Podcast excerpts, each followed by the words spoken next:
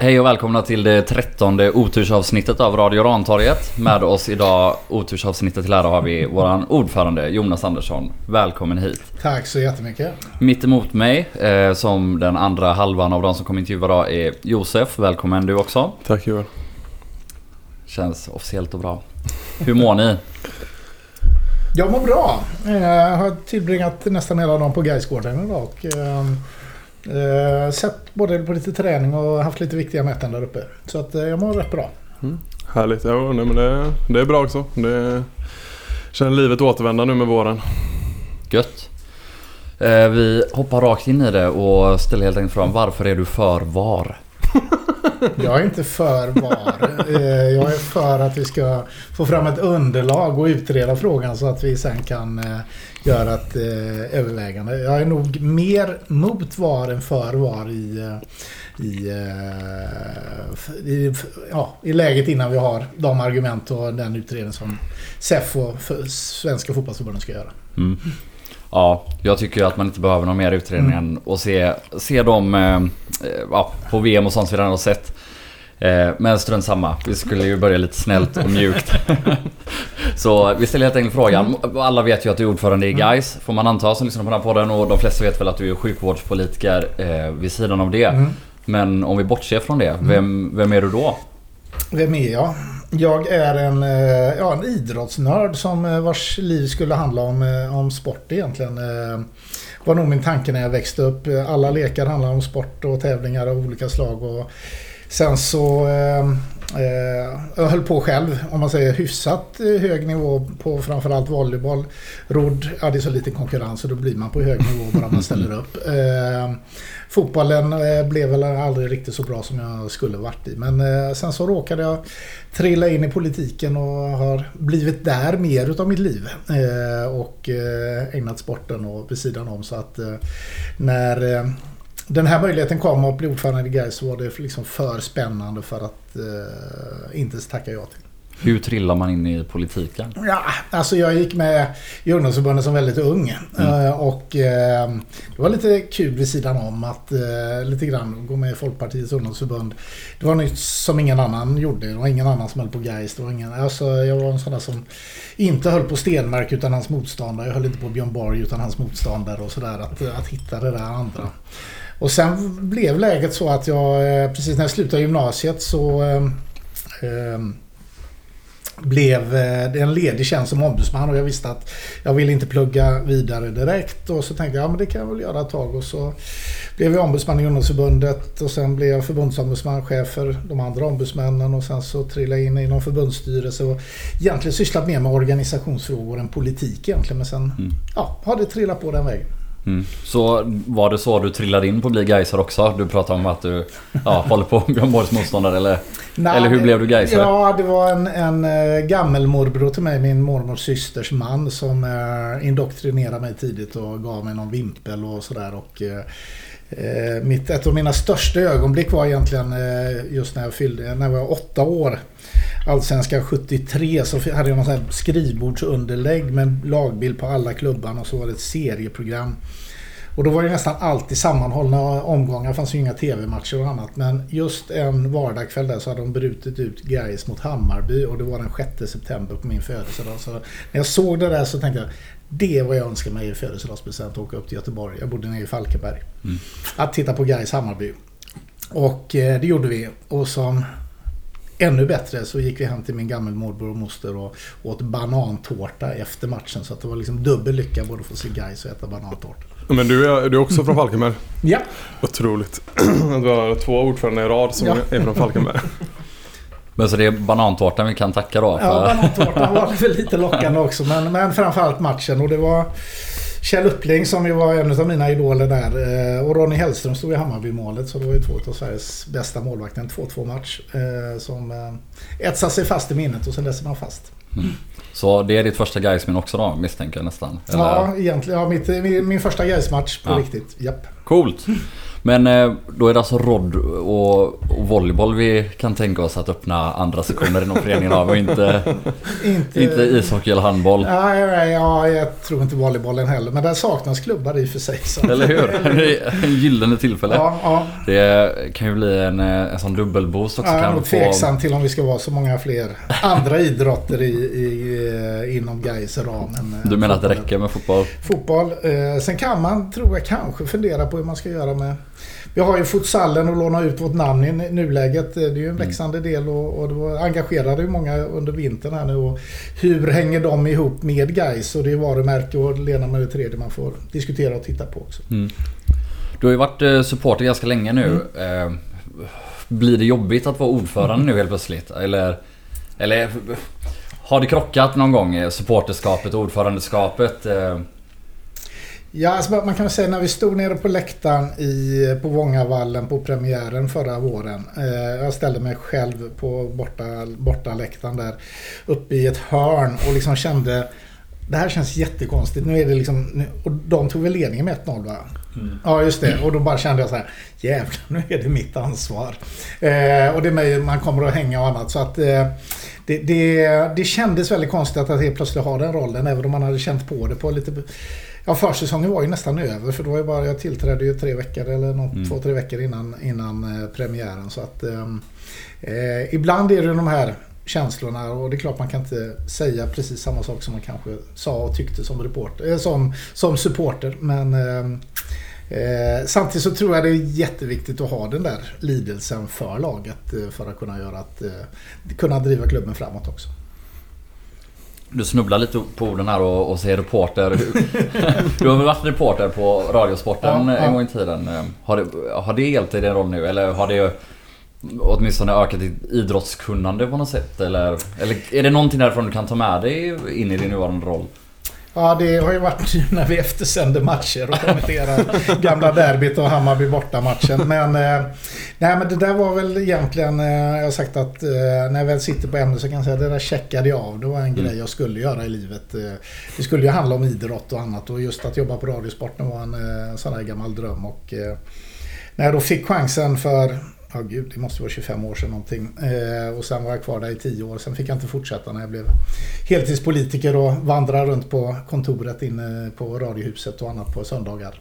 Eh, och rota i högar, det gjorde jag ju inte men, men eh, det fanns bara misstanken att jag såg grejer som de håller på att granska så skulle jag inte finnas i de sammanhangen längre.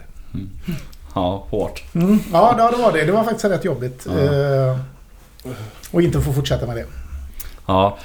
Har du någon eh, favorit borta resa eller Du hade ditt tidigaste minne eh, inne Mm. och, och vi pratade redan om en bortamatch som var jäkligt Mm. rolig. Mm. Trelleborg borta.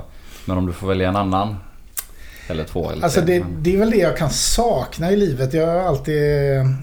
eh, Jag har ju aldrig varit support, den där supporter-supporter så, som, eh, som ni i TIFO, Gårdakvarnsgänget och sådär varit. För jag hade några år där eh, när jag bodde uppe i Stockholm och annat och så blev det, ja, eh, när jag flyttade upp till Göteborg så var väl Gais lite på dekis och så var det, ja, jag hade lite annat i livet. Så att eh, det var egentligen först när jag var eh, 30 någonstans eller knappt dryga 30 som jag började gå ordentligt på Gais igen. Eh, Och då hade jag småbarn eh, men då började jag släppa med dem också. Och sådär.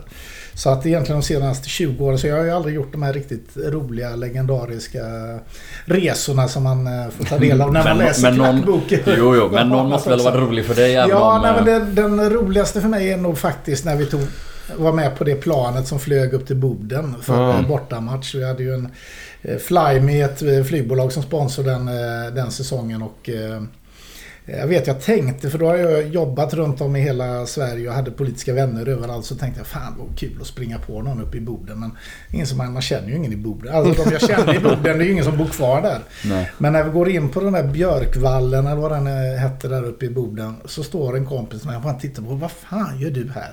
Och jag säger, ja men det är ju bortamatch. Eh, lite sådär halvt iskallt. Eh, sen var det lite synd. Eh, för det började regna i den här matchen så halva det där följet smet bort på eh, ståplats med tak. Så att trots att vi var en mäktig klack så delade vi upp oss och blev inte det trycket som det kanske borde ha blivit i den här Mm, matchen. en klassiker i Gais-sammanhang. Ja, ungefär så. Att det Många började regna och dela upp sig. Ja. Ja, men det kanske är så också att eh, som politiker så har du precis som ordförande kanske fått hålla dig i skinnet även. Du kanske inte hade kunnat leva det bortareselivet som vissa av oss andra har gjort. Eller det hade kanske inte gått ihop med politikerrollen heller. Nej, jag hade bättre med den än med ordförande. Kanske får man, eh, får man tänka sig lite för i alla fall. Ja. Ja. Om, om vi tar det tråkigaste Gais-minnet istället då, rent fotbollsmässigt och sådär. Vad, vad poppar upp först? Ja Ingenting. det, för, ja, det första som pop. Det var så mycket att välja på. Eh, nej, men det, är- ja, det är nog 20, 2012. Eh, den misärsäsongen när vi åker ur Allsvenskan senast. Eh, då är jag ändå uppe borta på den här eh, när vi förlorade mot eh, Norrköping med 7-1 eller... Ja, 7-2 va? 7-2 Ja, 7-2. var det. Vi tog ledning med 1-0 i alla fall. Ja. Eh, och det regnade på den här borta klack kortsidan. Fick stå på dem. eh, Serverade knappt korv eh, ens en gång. Och sen Mm.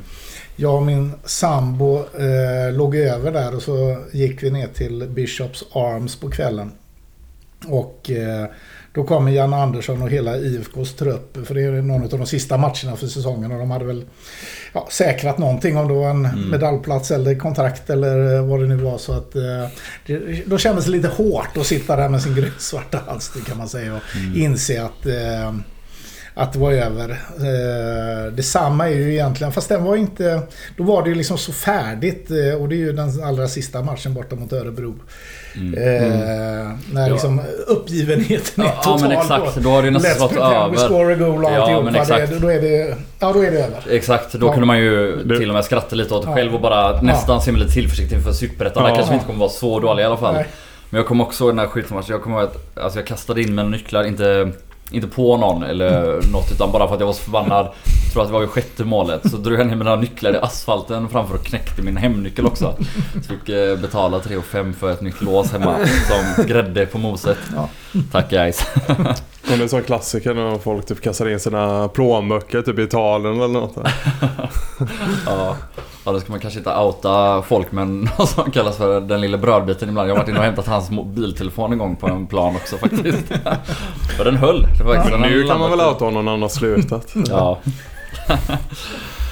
Ehm, ja, hur, ehm, hur har ditt Gaisande sett ut innan ordförandeskapet då? Du säger att ja, det är först de sista 20 åren du har gått lite. Ja. Det är ändå ganska lång tid. Mm. eh. Nej men det, det har... Eh, nej men det där är... Jag ska inte säga heligt men, eh, men det, eh, det är stark prio i kalendern och sen eh, har jag haft eh, tur emellanåt och kunnat eh, planera in att eh, men någon gång jag borde göra ett studiebesök i Kalmar och så ja men vi kan ta det, jag kan komma den där måndagen och när man ändå är i Kalmar så oj var det borta mot Kalmar FF idag? Ja men det var la- var bra då. Eh, inte så många gånger men, men, men eh, jag har försökt eh, brukar säga jag ser i princip alla hemmamatcher. Eh, och eh, kanske drygt hälften av bortamatcherna har jag försökt eh, eh, finna läge för och, och annat sådär på olika sätt. Så att eh, det har varit aktivt på så sätt. Sen har jag lite Egentligen rätt många år försökt hållt mig borta men jag har ju alltid går med, med min guys knapp på kavajen och sådär. Så all, folk och pratar Gais, det är ju så för alla oss som är Gaisare, vi blir ju identifierade med klubben. För Mm. vi är stolta, vi pratar om det, alla vet vad vi håller på för någonting. Så att eh, folk har tro, ja, vad har du för roll? Sitter du i styrelsen och sådär? Nej, nej, nej, jag är bara, bara supporter. Eh, så att eh, sen halkade jag ju då in och blev ordförande på årsmötet för en fem år sedan, fem eller sex år sedan. Och, eh, Just. Eh, tänkte jag, bra du kan bidra med någonting som jag är rätt duktig på och eh, leda de mötena. Ja, jag får säga att du var mycket bättre än den eh, föregående mötesordföranden. Som var före? Ja. ja, eh, och det är lite, jag har hållit mig lite borta också från en del av årsmötena just för den här rädslan att ja, kommer jag nära någonting så blir jag lätt ins, Ja. insugen i det hela Mm. och, och det har jag liksom hållit mig borta från. Så att eh, Men nu sitter du här. nu sitter jag här i alla fall. Och hur, hur gick det till när du liksom... Var det, när, vet du hur det gick till när de identifierade dig? Det var liksom, det började med att du var mötesordförande kanske? Det var nog där och för, nu är det ett år sedan jag blev vald lite drygt, eh, men för kan det vara tre år sedan så bad, eh, ringde Anders Björklund som satt i valberedningen då också och frågade om de ville träffa mig för att höra lite eh, mitt intresse och sådär. Och då var det ju ett och ett halvt år före vårt senaste val och jag kände sådär nah, passar inte riktigt just nu eh, och sådär men, men kom tillbaka efter valet ungefär. Mm, mm. Eh, sa jag. Så för, för jag var väldigt osäker på om jag skulle fortsätta med politiken och sådär. Och sen så ringde Anders igen i eh, eh, december för ett och ett halvt år sedan. Då. Och eh, då hade jag precis gjort en hjärtoperation. Gjorde ett avancerat studiebesök i vården mitt i valrörelsen genom att göra en bypassoperation på hjärtat. Eh, och hade skitdålig kondis. Hade varit och lämnat eh, julklappar till personalen på, på partiexpeditionen. Och så går jag en uppförsbacke och pratar i telefon. Och så jag bara liksom Och så Anders pratar och så hör jag liksom inte riktigt vad han säger. Och så in, ja, jag tänkte jag kan lyssna, jag kan lyssna, snart blir det platt här så, så kan jag. Och så insåg jag efter en stund, frågade han om jag ville bli ordförande? och så, nej men det kan jag inte förutsätta. Och, och det kan jag inte bli. Och, och det var verkligen sådär, eh, så, ja men vi ska rigga folk runt omkring det så att det blir en bra eh, och liksom, eh, Okej. Okay. Eh, så då, då började det sjunka in att jag fick den där frågan. Men det tog rätt lång tid ändå innan jag... Eh, diskussioner, träffa mycket folk och, och annat fram och tillbaka innan jag faktiskt sa ja till sist. Mm. Hur, alltså hur, eh, hur svårt eller hur lätt var det för dig att tacka ja? Alltså det måste ha varit extremt mycket att överväga. Både för att du hejar på guys mm. och också för att jag antar att du då satte dig in lite djupare än innan kanske i, i guys olika problem mm. och jag menar det är ju en, en jäkla utmaning att leda guys mm. såklart. Mm. Och hur, hur gick din egna process till när du till slut beslutade dig för att säga yes jag kör, mm. jag ska mm. försöka hjälpa till att styra upp det här? Nej men det, jag har ju sagt i något sammanhang att hjärnan skrek ju nej och hjärtat eh, skrek ja. Mm. Eh, och eh, det var väl lite det där hjärtat som precis då hade fått lite nya nya eh, blodbanor till sig för att slå lite hårdare som, som var en viktig faktor för mig. Att, eh, mm när får man en annan sån här chans att, att... Eh, min dröm som barn då när man skulle hålla på med idrott var ju egentligen att bli generalsekreterare i internationella olympiska kommittén. Men det är ju en helt jävla korrupt organisation så det är jag glad att jag inte blev. Men, men eh, eh, då kan man inte bli så mycket finare än att bli, bli ordförande i GAIS. Så att det, ja, samtidigt så visste jag, jag hade då hade varit, åkt på en smäll fysiskt och, och hade redan ett, ett tufft jobb politiskt och annat. Men någonstans skulle man tacka nej så är det ju inte så att ja, då hade någon annan blivit ordförande och kanske varit i fyra, fem år och inte fan hade de kommit till mig om, när jag nästan var 60 och frågat om jag vill bli ordförande. Så det var liksom this is it och mm. då får man ta chansen när den bjuds. Lite mm. grann så. Du var lite inne på att du mm. eventuellt var på väg ut ur politiken. Mm. Hur, vart är du nu idag då? Om du var på väg ut för något år sedan? Nej, vi lever ju alltid i de här fyraårscyklerna någonstans. Sen är det inte heligt att man måste fortsätta en hel mandatperiod. Men det är så man ofta tänker. Men där är väl min tanke just nu att jag är tveksam. Alltså, ska man vilja eh, ställa upp i ett val då ska man ju också vilja sitta i fyra år till. Mm, och mm. Tittar jag från idag och sex år framåt så kommer jag vilja det i sex år till. När jag, jag har i princip haft den roll jag har i, i eh, ja, 16 år nu och det är klart att det jag inte lyckats åstadkomma på 16 år kommer jag göra det på 6 år till. När, och jag känner ju min glöd lite där har falnat de där frågorna mm. jag brann för och när man löste det problemet och sen gick det fem år och så kom samma problem tillbaka och man löste det en gång till och sen kom det samma problem tillbaka en tredje gång. Då börjar det liksom bli lite tröstlöst. Att, eh, mm. eh, när man gör en budget för 15 20 gången så är det inte lika spännande som när man gör det för tredje och fjärde gången. Mm. Så att, eh, då är det bättre att lämna över till någon annan som får ta vid. Och det är väl samma i Gais-uppdraget. Eh, att inte bli sittande så länge att man blir bromskloss eller att man Nej. inte har slut på idéer. Eller inte, bara för att vara med för att det är kul. För det kan man vara på andra sätt. Men då kan vi räkna med det ännu mer än de Gais som två år då kanske? Kanske, det beror på vad jag gör istället. Så att, uh, hur länge jag får vara kvar på det uppdraget. Ja. Men eh, vi var ju lite inne på det. De eh, valberedningar ringer och pratar mm. och pratar om att ja, men vi riggar en bra mm. styrelse med bra mm. folk. Mm. Hur mycket var du involverad i eh, Alltså det är inte så att du har suttit och valt namn såklart. Nej. Men hur, hur mycket dialog förs det då med dig från valberedningens håll? För att man ska få in en styrelse som dels passar med dig och dels passar de behov som valberedningen har identifierat som, som störst för guys. Mm. Hur, hur gick det till allt runt omkring? Eh, nej, jag har egentligen inte valt någon av de eh, andra. Däremot så, så träffar jag några eh, personer. Då när jag tillträdde för ett år sedan, nu blir det ju nästa i princip omval.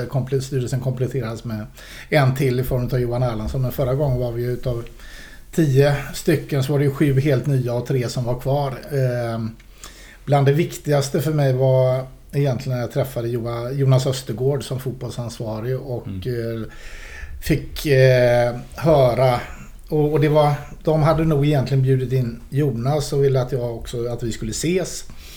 Eh, och han var inte helt eh, färdig, klar för att han skulle tacka ja i det läget. Men när han presenterade och han såg på fotboll och såg på Gais och var misstag i det gångna och eh, hur han ville bygga framtiden så kände jag japp, det där var i princip precis vad jag själv har gått och funderat på. Så att eh, det var en viktig pusselbit att få. Sen har han visat sig vara en enorm eh, arbetsmyra också som vi har haft mycket glädje av. Så att det var en viktig pusselbit. Och samlade ihop de flesta av de här nya vid ett och samma tillfälle också. Och där vi fick träffa några i den gamla styrelsen och ställa frågor. Och det är klart att när man, när man närmar sig Gais så är det ju ja, hur ser det egentligen ut eh, ekonomiskt och annat. Eh, och rykten fram och tillbaka. Och jag visste väl kanske lite mer än de flesta utifrån de Både för att jag kan läsa en, en årsredovisning och, och uh, suttit ordförande på de här mötena och vet vad, vad som har varit de uh, svaga punkterna möjligen och, och sådär också. Att uh, få reda på hur, hur, det egentligen såg ut. Och där får man säga att både de som var kvar i den, från den tidigare styrelsen eh, valberedningen, men också prata med Thomas Andersson som eh, för, ordförande då att eh, fick en bra och schysst bild av hur läget eh, var och det, det är klart det var inte dans på några röda rosor, eller dans på, ja vad man nu dansar på.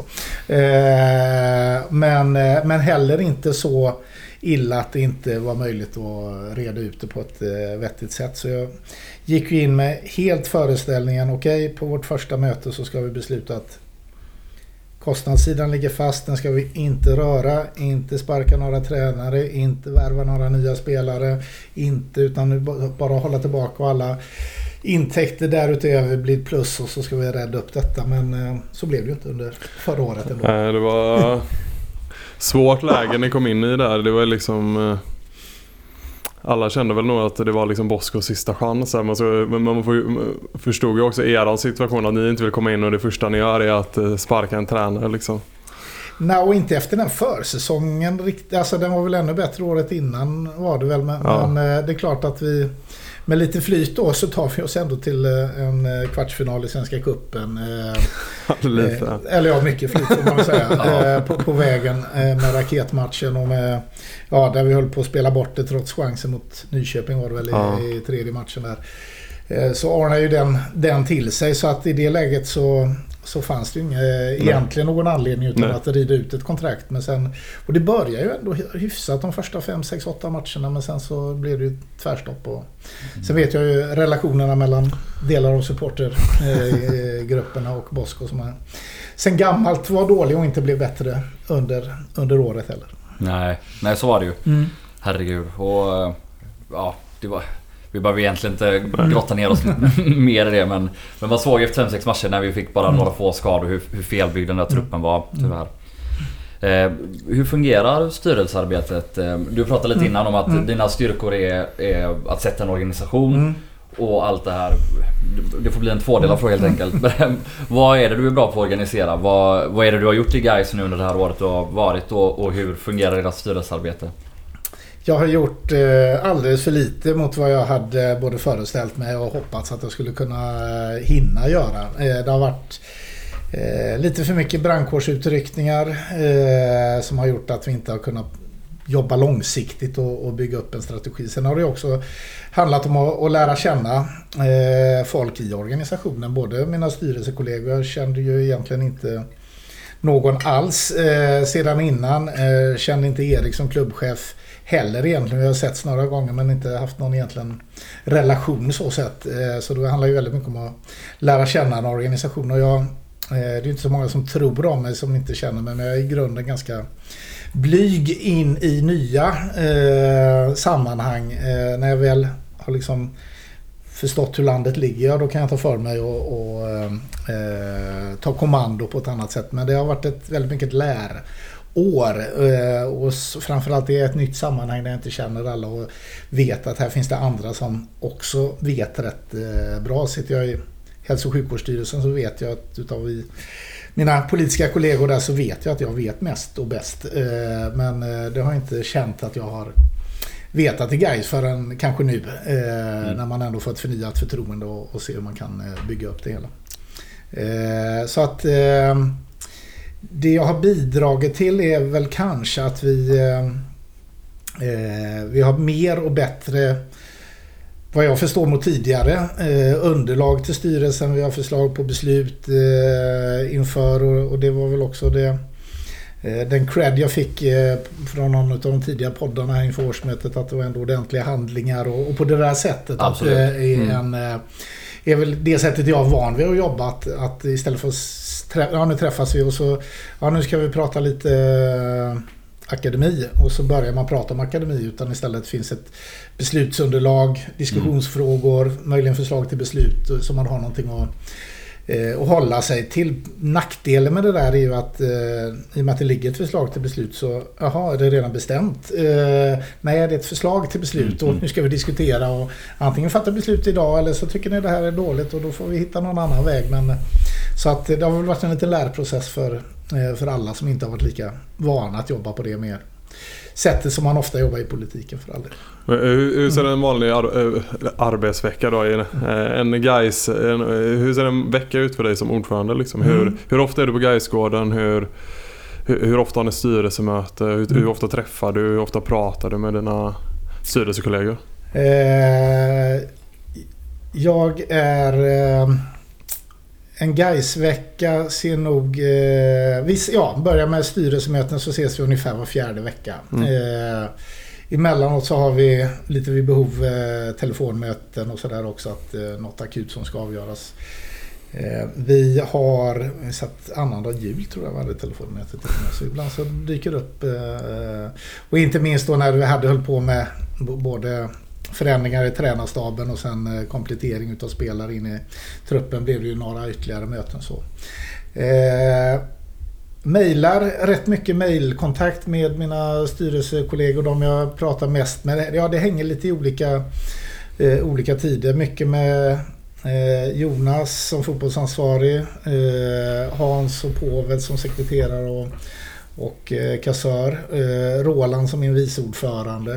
Eh, Anders Fagerlund som jobbar med kommunikation och nu har ju vi de senaste månaderna rattat en hel del av de här eh, derbyt och bortamatchen, eh, det projektet eh, ihop. Men ofta ska vi gå ut med någonting, ska du skriva någonting, ska jag, kan jag skriva något i ditt namn? Och, så Anders kanske på ett sätt den jag stämmer av med oftast. Eh, Roland Blomstrand då som vice ordförande försöker jag ändå ofta var första bollplanket en fråga som dyker upp och han har ännu oftare frågor han vill prata med mig om så att eh, han ringer mig. Eh, försöker vara uppe på Gaisgården. Det kan vara ja, någon gång varje vecka i alla fall. Eh, nu har det blivit mer i början på det här året egentligen när vi inte haft någon klubbchef mm. på plats. Att jag har fått ta ett lite större arbetsledaransvar. Eh, men även tidigare när Erik var på plats så, eh, ja, jag ska inte säga daglig kontakt, men i princip daglig kontakt. Lite sms, någon mail, någon fråga, något eh, vi behövde, eh, någon uppgift som jag behövde få fram och sådär. Eh, lite motsvarande nu med, med Johan och Annika framförallt som, eh, som eh, är där uppe. Kristoffer som jobbar med marknadsfrågorna eh, när det faller på så att säga. Så att det är och så är det den där timmen innan man somnar varje kväll när man ligger och grubblar och funderar på, på eh, vad man inte har gjort, vad man borde ha gjort eh, och sådär. Så att eh, det, det är min sambo säger det att, det att jag har blivit mer distanserad och försvinner bort. Sitter du, och, sitter du och tänker på guys nu frågar man ju ofta. Eh, ja det gör jag, säger jag. Så att, eh, det, det, tar rätt stor del av, av livet. Ja det låter som du är, mm. ja, det, att du är op, ganska operativ. Ja, men jag tror man, det måste man vara i en klubb som guys. Sen skulle jag önska, det hade varit jätteskönt att liksom bara vara styrelse, glida runt och sitta på VIP-läktaren. Och, mm. Eh, och delta på lite Uefa-möten och lite korrupta gåvor och lite sånt där. Men, men, eh, men, Åka på någon match i Champions League och... Ja, just det. Men eh, Gais har väl alltid haft en ganska operativ eh, styrelse. Men, men eh, det, är ju... Och det är både charmigt och bra på många sätt. Men, men eh, min ambition långsiktigt är ju att bli en mer professionell organisation som Eh, där en styrelse som mer fungerar som en styrelse och har en, en, ett kansli och en kontor som, som, eh, som är mer exekutivt och, och, kan verkställa de inriktningar och annat som vi slår fast i en styrelse. Ja, det låter det har vi pratat om i... Mm. Många gånger. Ja, men det är väl ett, ett mm. nödvändigt ont mm. eller vad man ska ja. säga att vi har en så operativ styrelse. Men... Ähm, ähm, ja, du verkar tycka att nuvarande styrelse fungerar rätt så bra men om du ska identifiera några svagheter eller vad, vad, vad saknar ni? Vad skulle ni behöva ha in? Vad, vad saknas? Eh, jag ska inte... Ja, alltså vi, vi har... Eh, vi skulle nog egentligen ha lite mer ja, jag vet inte vad som måste finnas i en styrelse. Som man säger fotbollskompetens. Eh, eller det, det, det, är ju ett, eh, ett område. Men det finns de som säger också när Gais styrelse har pratat mycket fotboll så har det gått åt helvete. Och när man har pratat organisation så har, och låtit sporten sköta sig. Så det här med Sportrådet eh, som ett stöd till, till, eh, till Jonas är, är det tror jag är en jättebra lösning egentligen. Eh, sen tycker vi, alla är ju engagerade i fotbollen och tycker saker och ting men det är klart vi ska inte sitta och prata spelsystem och annat. Även om jag tycker att jag kan fotboll hyfsat så inser jag mina begränsningar i det hela också. Eh, det är väl, för mig är det också mer passion än, eh, än eh, Uefa Pro-licenskunskap som jag eh, sitter på och använder när jag tittar på fotboll också. Vi ska undvika de här medlemsmötesfrågorna. vem, vem ska starta på topp? ja, just det. eh, så att... Eh, ja, gud vad var frågan egentligen? Det var, eh, ja, om hur styrelsen funkar, vad vi saknar för någonting. Nej, alltså det, det finns... Jag tycker det är totalt sett en, en, en bra kompetens. Mm.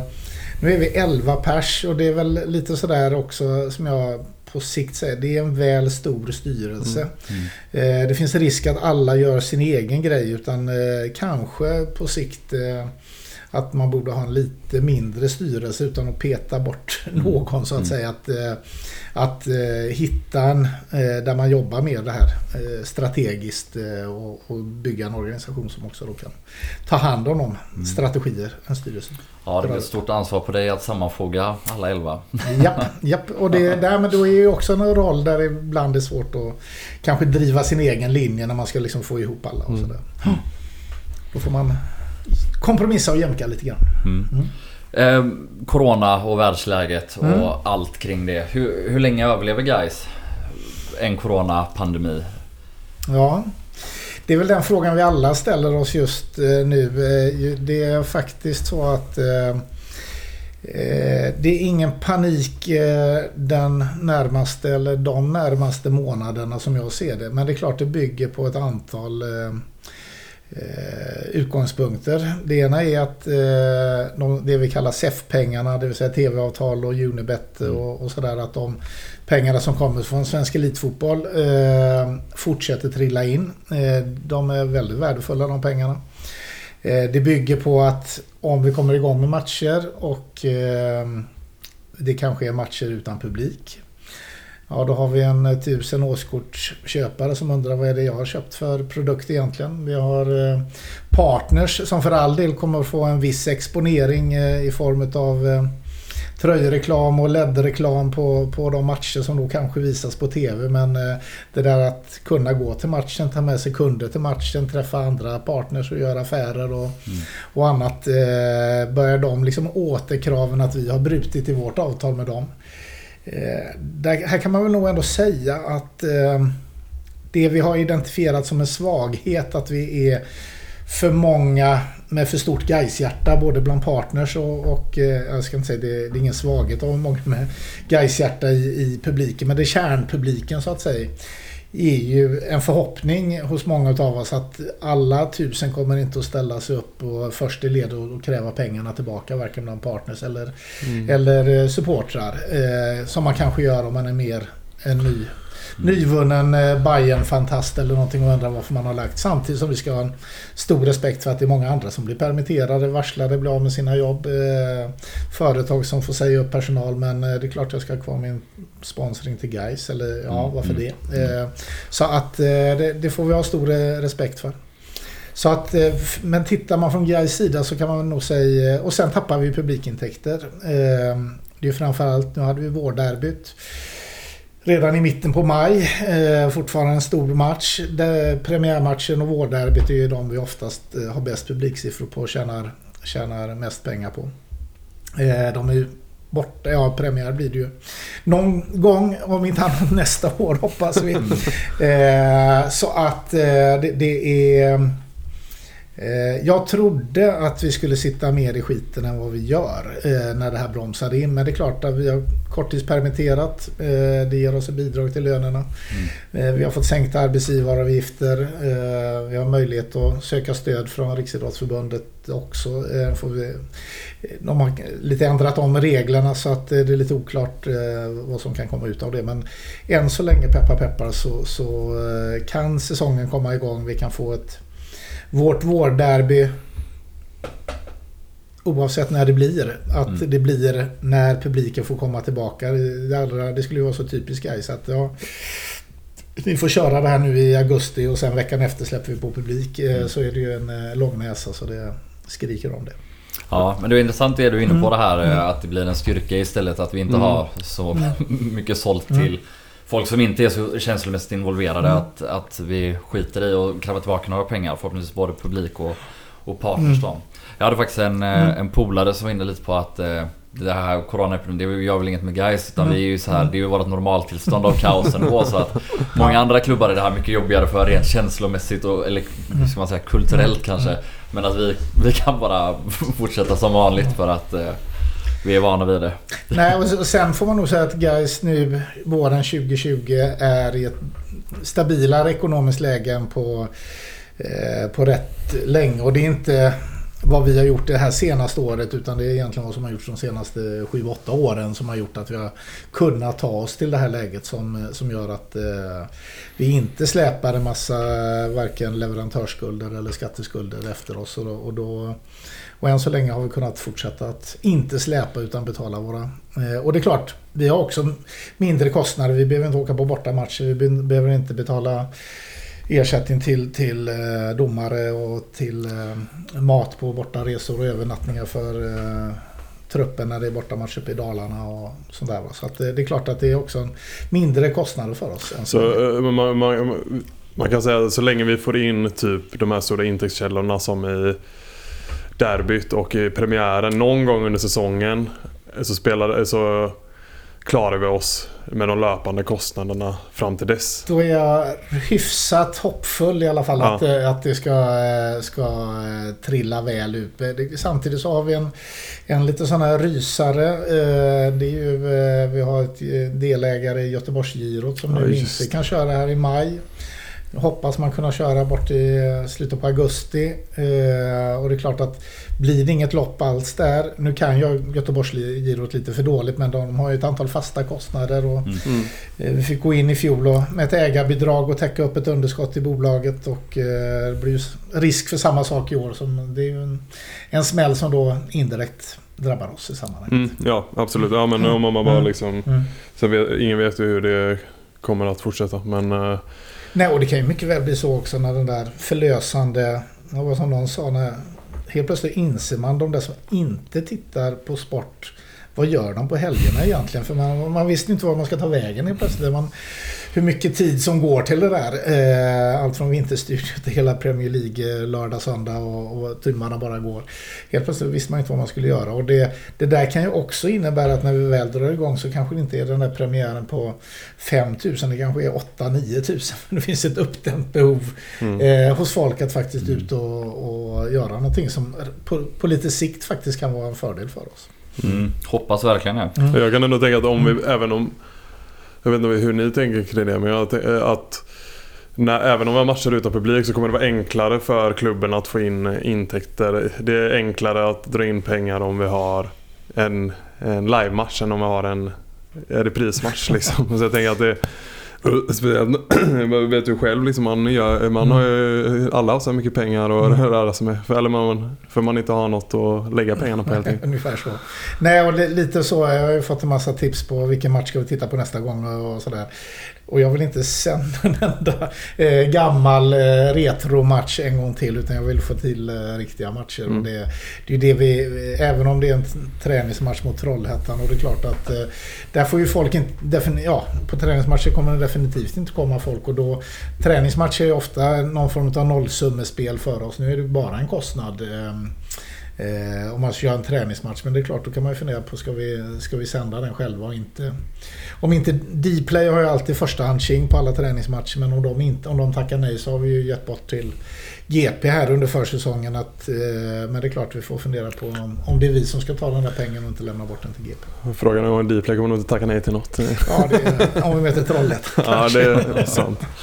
Ja. Det, det, det, är exakt som du säger. De här retromatcherna, mm. det är en skitbra mm. grej alltså. Ja. Och det är så jäkla... Man ska bara mjölka varenda möjlighet, en intäkt man har i dessa tuffa tider. Men Fan vad mycket tröttare det var redan andra matcherna som kom på retromatch alltså. Nej men det är ju lite så. Samtidigt så har mitt, eller utifrån det du frågar Josef och sådär hur länge klarar vi och, och annat att eh, jag har tyckt att ja men vi behöver förstärka intäkterna. För låt oss ändå göra någonting som känns som att man får någonting för det och inte mm. bara eh, ge oss pengar. Alltså ja, Swish-kampanjen ja, var fantastisk men det fick vi ju för ett skäl också vad vi behövde eh, göra och förstärka. Men det här rena tiggandet, det är inte omöjligt att vi kommer att hamna där men jag har velat vänta med det, det rena tiggandet ja, tills, absolut, eh, tills absolut. det verkligen behövs. Ja, det, det, det tackar vi för. Rätt. Det hjälper alla. Mm. Eh, vi var inne lite på mm. kostnader och så. Än så länge mm. mm. säger ni att konstgräsplanen blir av i år.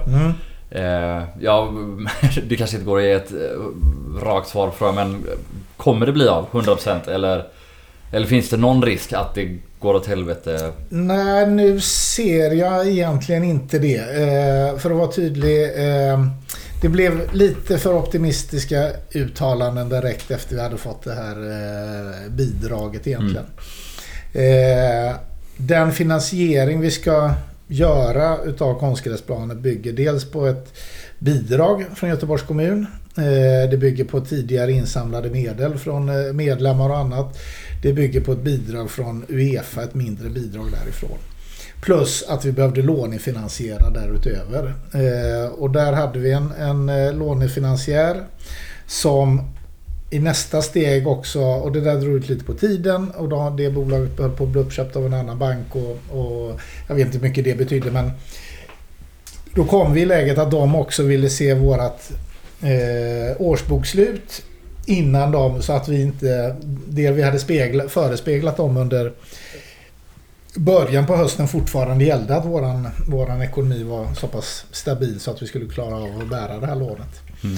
Eh, nu så sent som eh, för en vecka sedan ungefär så är det lånet påskrivet. Och eh, nu handlar det om att eh, de indikationer vi har fått från olika leverantörer av konstgräset. Eh, vi vill ha någon som är totalentreprenader med att ta mm. bort och lägga dit och underarbete och ljuslampor och eh, lite omklädningsrum och läktare och lite sådär. Eller ja, lite kringbyggnader. Ja, hur blir det med det? För det fanns några olika alternativ. Alltså blir det omklädningsrum och hela kittet eller blir det bara en plan eller? Det hänger lite på vad vi nu får in för offerter utav de här. Okay. Så, ja. så, att det, där finns en viss, eh, en viss eh, förhandlingsmån. Men, men vi yes. hoppas att det vi har sökt för inkluderar ett antal delar. Annars så får de andra delarna komma lite senare och, och eh, men ändå en del utav hela, helhetsprojektet vad vi behöver göra uppe på Gaisgården. Sen mm. ligger det en del i takt med att eh, när vi väl har lagt den här konstgräsplanen så kan vi inte börja köra byggmaskiner över planen för att bygga ett omklädningsrum och lite annat sådär. Så det är lite timing i vad kan vi göra när mm. och annat. Men Just nu så hoppas jag att, eh, och Bengt Gillmalm då som är anläggningsansvarig i styrelsen och håller i projektet och själv byggare och annat eh, vet vad han pratar om. Han har precis eh, att han är i slutskedet av den här processen och, och ska sen kunna landa någon och förhoppningsvis på vårt nästa styrelsemöte är vi nästan där eller där att vi vet vem vi vill ha. Och sen behöver det tajmas med framförallt akademiverksamheten. När gör vi ett uppehåll? Och, för då behöver verksamheten flytta till Heden eller någon annanstans mm. under ett par, tre veckor. Eh, kan det tajmas med ett sommaruppehåll? Om det nu blir något sommaruppehåll för akademin. Ja, mm. ja de har ju ändå kört på så att eh, eh, vi hoppas att eh, det ska bli här under sommaren i alla fall. Mm. Kul, skönt mm. att höra. Mm. Det var en sån sak som jag blev lite nervös för mm. under årsmötet när mm. man får höra att att bidragspengen hade räddat förra årets resultat delvis. Eh, Eller ja, det, det, den var ju uppbokad eh, som en intäkt som den intäkt det var i fjol så att säga. Mm. Så att, eh, ja, nej, det, det blev kanske lite, lite otydligt. Men, men det, det... Ja, men jag är inte alls bra på ekonomi och så nej. men det är en sån sak som mm, mm, lätt förr om åren har dykt mm, upp på något möte. Ja. Att ah, jo men ja, vi har bara täckt upp här det men det är inget som påverkar någonting. Mm. Och så vips så är det ett halvår och alla undrar vad händer med det här och mm. Nej, så blir det ingen konstgräsplan. Men skönt att höra att det är på gång i alla fall. Ja. Hur, eh, hur går det med klubbchef som också är någonting mm. som ska vara på gång? Och skaver, tror jag skulle säga. Ja, det, det skaver i mig att eh, vi inte är framme där ännu. Och eh, eh, vi hade, eh, vi hade ett rätt stort antal intressanta sökanden och eh, träffat ett antal för intervju i mitten, slutet på januari.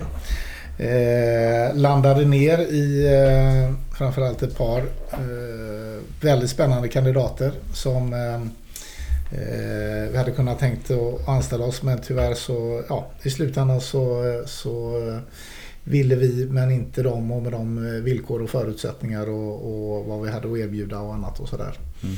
Eh, och då blir man lite, eller blev jag i alla fall, man blir lite fast i det här att Ja men titta vi hade den kandidaten som var liksom check på den och den och den och den och mm. den delen. Vi vet vad Erik kunde. Eh, duktig på mycket och li, också duktig på att fuska i det han inte var duktig på från början mm. så att säga. Att, att göra ett, eh, ett bra jobb man har en kravprofil och även om vi var beredda att lite, lite justera eh, med annan personal beroende på om det är en person som har väldigt starkt fokus mot marknad. Och då ska mm. man ju mm. nyttja det. Det är en person som har väldigt starkt fokus mot eh, kampanj eller eh, marknadsföring. Och då kanske man ska nyttja det eh, på ett annat sätt. Men eh, då blev det lite sådär när vi tittade och gick tillbaka till de där första som inte hade pratat. Är det någon av de här som uppfyller detta? Nej, vi mm. kände inte det. så att eh, Vi sa att vi får göra ett litet omtag i det hela och sen när dyker hela Corona och Covid-diskussionen upp. Mm. Eh, ska vi då korttidspermittera så måste vi göra det vi kan i organisationen för att hålla nere våra kostnader och vidta andra åtgärder innan man går på korttidspermittering. Och då blev det också lite göra en halvhalt i, i eh, den, eh, den eh, rekryteringen. Och, eh, jag känner väl nu att nu hoppas vi att det ska komma igång en säsong, att vi ska sluta med korttidspermittering. Samtidigt så är det ju antagligen så att den vi vill rekrytera ofta har ett jobb. Det är ju inte alls säkert mm. i dagsläget. Men, men eh, vi, titt, vi försöker headhunta, titta oss runt lite grann också efter folk. och eh, Eh, på, både på lite tips och, och på lite annat att eh, titta vidare. Så att eh, min ambition här nu är väl att kunna försöka ändå försöka få fram ett namn före sommaren på någon som kan börja efter sommaren egentligen. Men, eh, jag kan tänka mig när vi mm. När vi söker efter en klubbchef mm. utefter när vi har så pass lite personal på mm. kansliet. Mm. Vi har väldigt lite anställda personal. Att det är svårt att hitta en klubbchef för när, vi, när man läste den här eh, jobbansökningen så var det mm. liksom, den skulle kunna det mm. och det och det, den skulle kunna allting. Det var liksom ing, mm. det var inte, det var inte en klubbchef som man tänker sig en, en, en som har ett övergripande ansvar. Som har liksom eh, som har det exekutiva ansvaret och kanske är bollplank. Utan mm. det var någon som skulle göra allting. Blir det svårt då att hitta en sån person? Ja, det är nog lite alltså man måste Eh, man måste vara lite rätt i livet håller jag på att säga och egentligen så ska man vara Eh, helst inte ha några småbarn och samtidigt vara i åldern att man borde ha småbarn. Eh, om man nu ska vara lite, lite krass. Alltså det, jag har ju själv jobbat mycket i, i föreningar och annat och, det, det, finns ju aldrig ett stopp på, alltså det finns ju aldrig ett slut på arbetsuppgifter. Det kommer alltid finnas något mer man kan göra, något mer man kan och göra bättre eller slipa vidare. Så att det, det är ju ett tärande jobb eh, på det sättet att eh, bära ansvaret. Eh, nu har det varit lite till och från i olika tider i Gais om, om man också haft det sportsliga eller ansvar för sporten och annat. Nu är det ju inte det eh, också.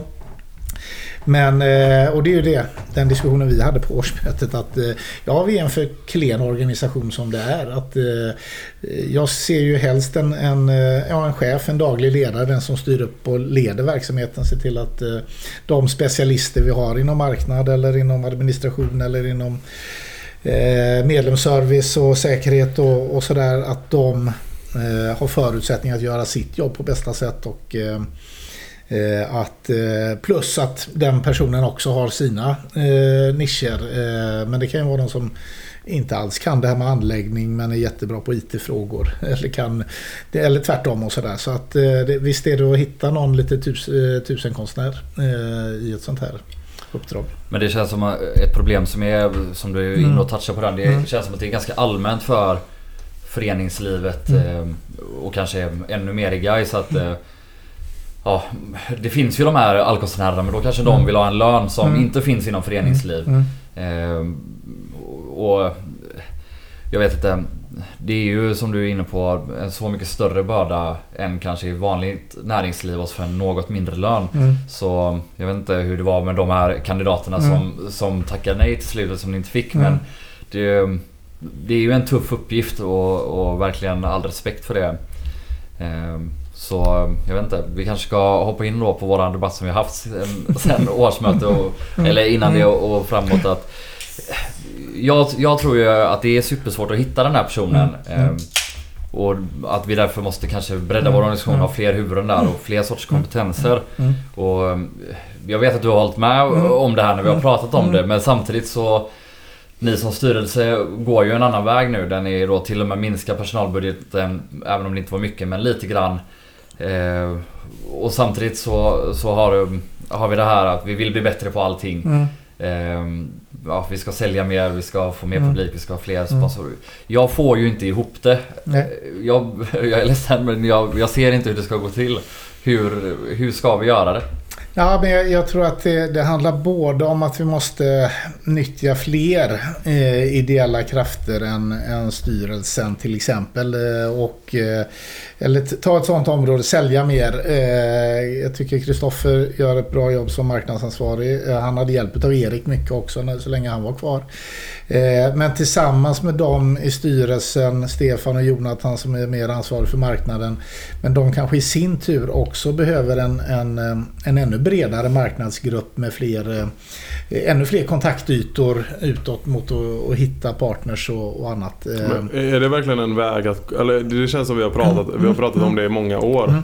Men det, det, känns inte som att det leder någonstans. Vi har pratat om ideella, jag vet inte, det har varit liksom mer och mindre kampanjer åt det men det har liksom mm. inte ledit någonstans för att det är svårt att hitta det. Liksom. Ja, nej, men jag, jag, tror man behöver båda, de, båda delarna. Att det, det finns de som också eh, tacka nej till att sitta i Gais styrelse för det är för mycket ansvar och annat. Men jag skulle gärna vilja göra någonting. Eh, och jag har ett kontaktnät och, och idéer och sådär. Att dels hitta de personerna men i grunden så ja, ska vi liksom professionalisera vår eh, medlemsservice?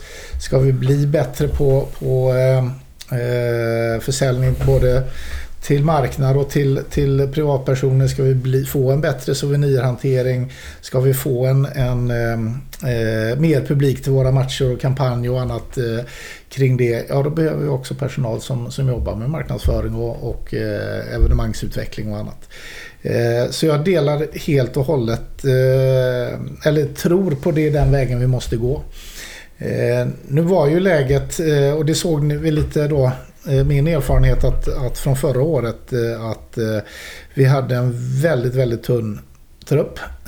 Nu har vi en bredare trupp med fler, om man säger möjlighetsspelare som är på väg uppåt som vi hoppas att vi ska kunna vidareutveckla och att de ska ta det där steget i guys eh, Och kanske rent av någon vi kan tjäna någon krona på också i, i en förlängning.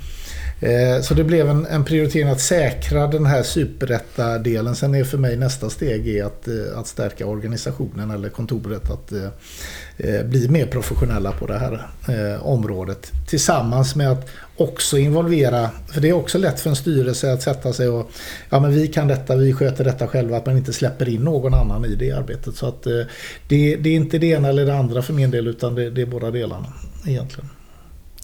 Men för, för mm. visst, eh, eh, visst budgeterade vi med mindre kostnader för, för personal på kontoret. Och så, men vi hade högre intäkter eh, budgeterade för, eh, för marknadsinkomster.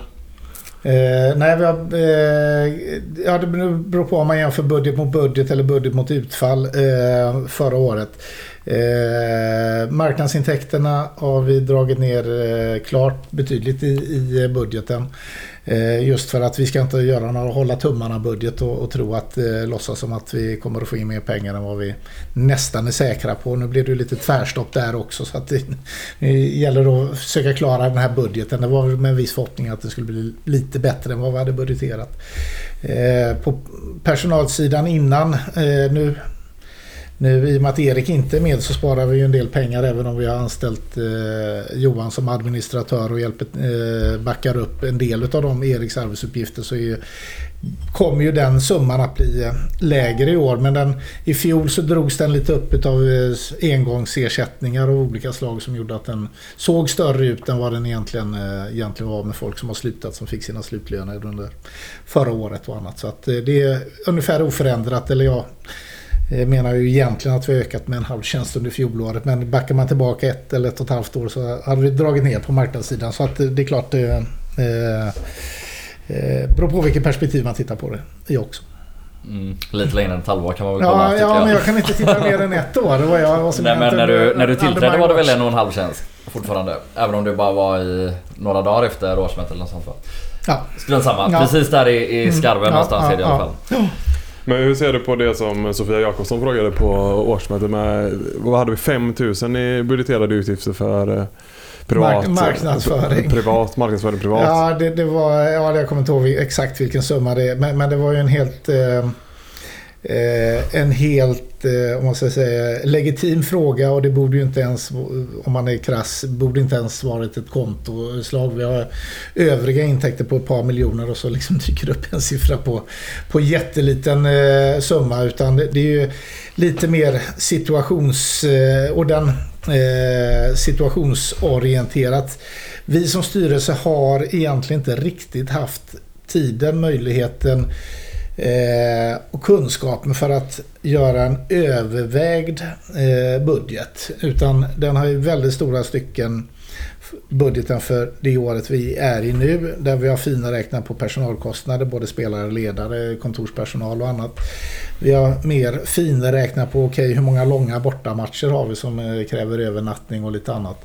I övrigt så har vi mer utgått från okej, okay, vi hade den här kostnaden i fjol. Då kommer vi med all säkerhet att ha den i år. Vi räknar inte med en miljon i Swish. Eh, vi räknar inte med eh, en del andra sådana extraordinära intäkter. Eh, så att eh, och det är för att eh, våra ekonomisystem har inte varit tillräckligt bra för att man ska kunna sätta sig och eh, gå igenom, okej, okay, hur mycket behöver vi till marknadsföring? Och vi har inte haft den tiden eller utrymmet att göra dem. Utan eh, det är mer att säkerställa att vi inte gör av med mer pengar än vad vi, vad vi har.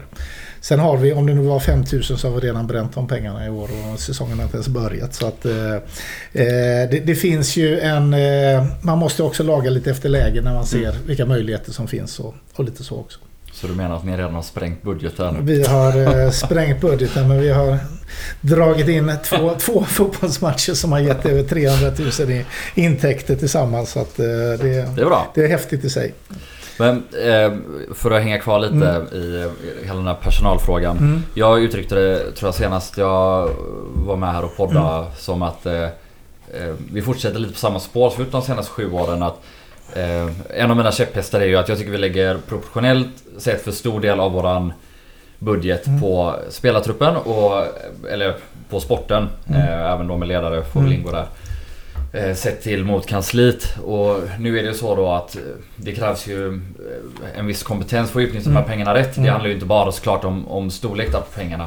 Utan då till exempel förra året så var vi inne på en jättetunn trupp trots att vi hade ungefär samma spelarbudget som året innan det. Där är det ju liksom kanske ren inkompetens som sänker oss. Men, men jag menar ju, eller tycker nog att, att fortfarande i år så har vi en alldeles för stor professionell del mot spelartruppen. Och det känns lite som att det vi då hoppas på är att ska spelartruppen och med ledare såklart också. Bara de levereras kommer alla de andra bitarna gratis. Och det var lite det Hans Saulin i alla fall också svarade på på årsmötet. Att den största korrelationen mellan, mm. mellan intäkter mm. är inte hur många vi anställer på kansliet utan hur bra sport eh, mm. vi har. Mm. Och, och du får ju då säga mm. emot mitt mm. påstående här men eh, men jag känner ju att man då återigen liksom försöker ta en genväg att bara vi fixar sporten så kommer det andra komma gratis. Mm. Istället för att kanske bygga en lite... Jag vill inte anställa 10 mm. personer på mm. kansliet men mm. åtminstone en, en starkare grundadministration liksom så att vi så att vi inte blir så fruktansvärt eh, beroende av att vi inte förlorar 3-4 matcher i rad mot pisslag i Superettan. Har jag helt fel eller är det delvis sant eller har jag helt rätt? Eller? Nej, men jag, jag, tror både du och Hans har rätt. Han, Hans har ju rätt i det att det väldigt mycket är en uppåtgående eller nedåtgående spiral. Alltså det, mm. det, är klart att går det bra i fotbollen så kommer det mer publik. Eh, då är det lättare att attrahera partners. Eh, eh, och även om man har plattat till den här kurvan i superettan vad det gäller resultatpengar. Det skiljer ja, några hundratusen mm. mellan komma femma och på trettonde plats eller tolva eller något sådär. Eh, ja, knappt hundratusen tror jag skiljer eh, ungefär.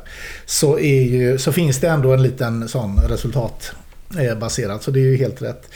Eh, samtidigt så kan man inte den cyniska superettan Ja, hade vi haft lite mer, alltså där det vänder är ju borta mot Mjällby där vi både Andersén och Emil går sönder och vi åker på regn 2-0.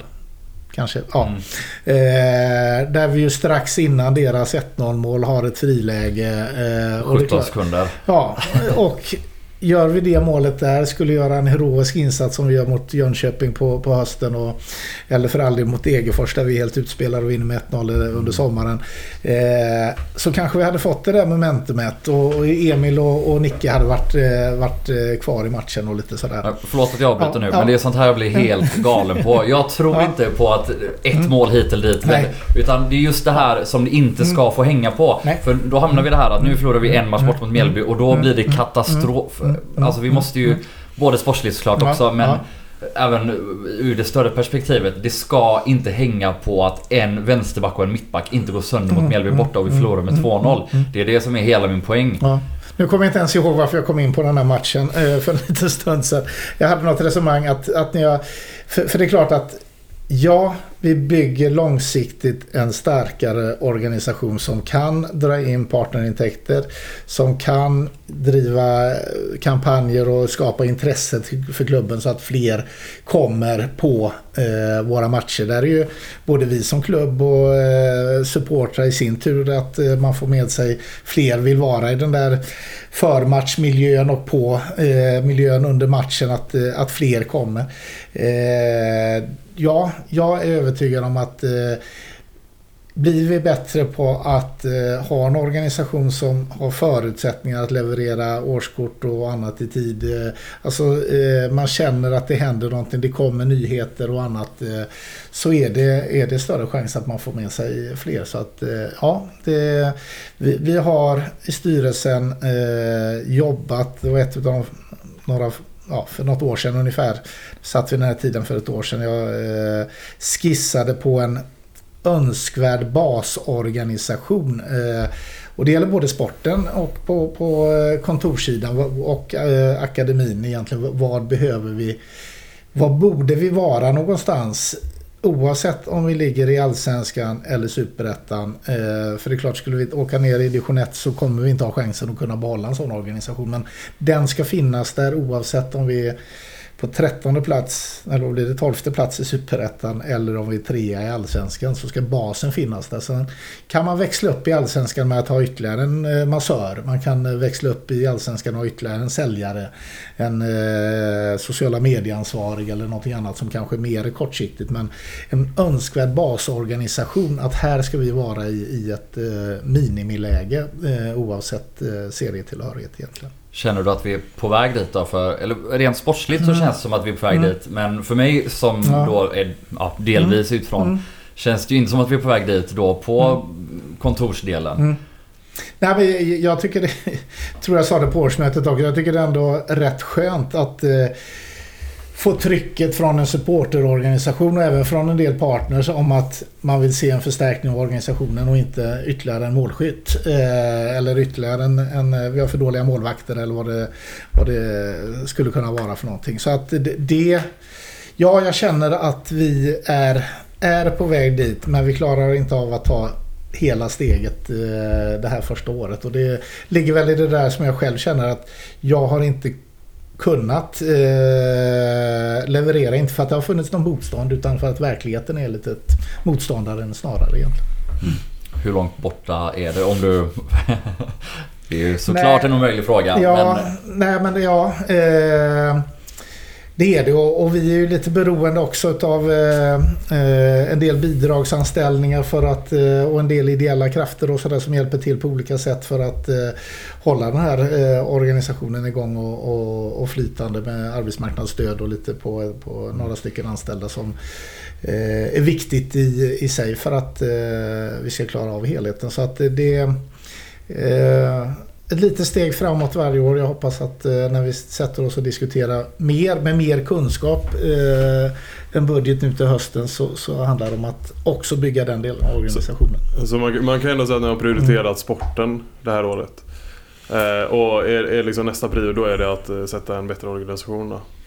Eh, ja, alltså sporten har egentligen inte heller särskilt mycket. Vi har prioriterat ledarorganisation är vad vi har prioriterat eh, det här året. Att bygga en, en, eh, något som vi tror på långsiktigt. För spelare kommer och går på ett annat sätt. Men sätta en ideologi och, och någon, någon tanke kring det. Så vi har förstärkt ledarorganisationen med att eh, Corner som, som fystränare är uppe på heltid eh, igen och eh, har lite Thomas som målvaktstränare har fler timmar eh, och, eh, och så. Så att det, det är ledarorganisationen vi har satsat på det här första året kan man säga. Spelartruppsbudgeten är i princip eh, eh, motsvarande mot, mot för, förra säsongen. Men eh, betydligt bredare och intressantare trupp tycker jag.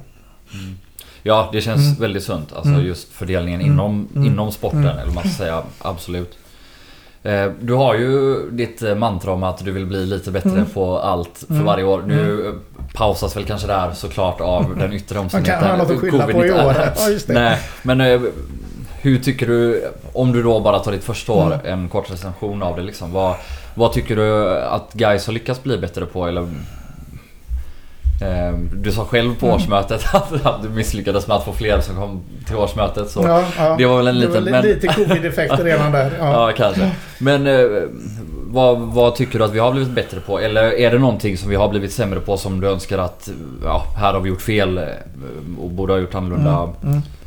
Nå, eh, framförallt är det inte så stor mening att älta gammalt. Jag, jag tycker att vi, eh, eh, vi har en bättre eh, samlad probleminsikt. Eller vad, vad, vad är, hur ser utmaningarna ut? Sen är frågan hur man eh, kan tackla dem och, och så eh, framåt. Eh, jag tror att vi eh, Eh, vi har fått, vi har nu ska jag säga, eh, och det är inte långt ifrån min förtjänst eller styrelsens förtjänst som helhet.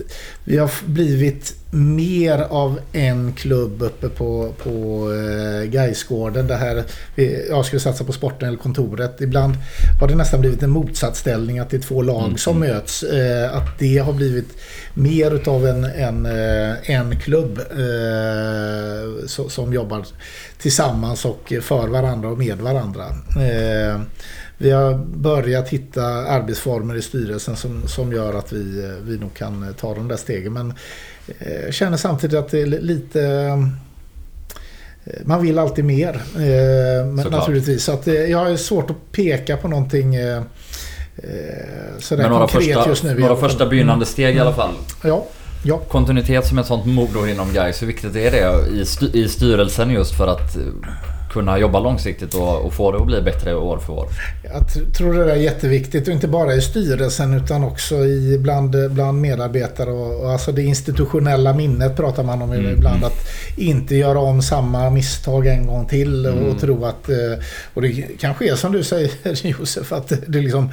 Ja men ska ni ha en marknadsgrupp igen? Det funkar inte förra gången. Nej men sådär att... Jaha, har vi gjort det och det blev bara konflikter? Ja då kanske mm. man ska passa sig för, för... Jag ska inte säga om just det där men, men att, att hitta de här eh, vägarna i institutionella minnet och det kan finnas både i, i eh, anställda och i, i styrelseledamöter. Men jag, jag tror att det finns alltid en risk att en riktigt bra sammansvetsad styrelse kanske driver någonting jättebra och så sitter de i fem år och sen slutar alla på en gång. Mm. Eh, och då är det något helt nytt gäng som ska ta över. Och, och då, så att en, en eh, ska inte önska bort några av mina styrelseledamöter men det är klart att en kontinuerlig omsättning eh, men, sunt, men ja. det, det, är väl så sunt. Absolut. Så jag vill bara fråga lite, mm. jag är inne på sporten där med mm. att vi har en sportchef på 30% eller? Mm. Vilket mm. känns ju ganska märkligt. På, eller men liksom, hur funkar den arbet? Hur, vad gör Niklas Karlström? Liksom, nu gör han väl inte så mm. mycket kanske alls va? Men eh, jag menar, vad är tanken att han ska liksom... Hur kan man bidra som sportchef på 30%? Eller är det mer en administrativ, eh, alltså man kanske inte ens ska kalla det sportchef mm. utan mer en administrativ eh, hjälpreda på sportsidan mm. typ.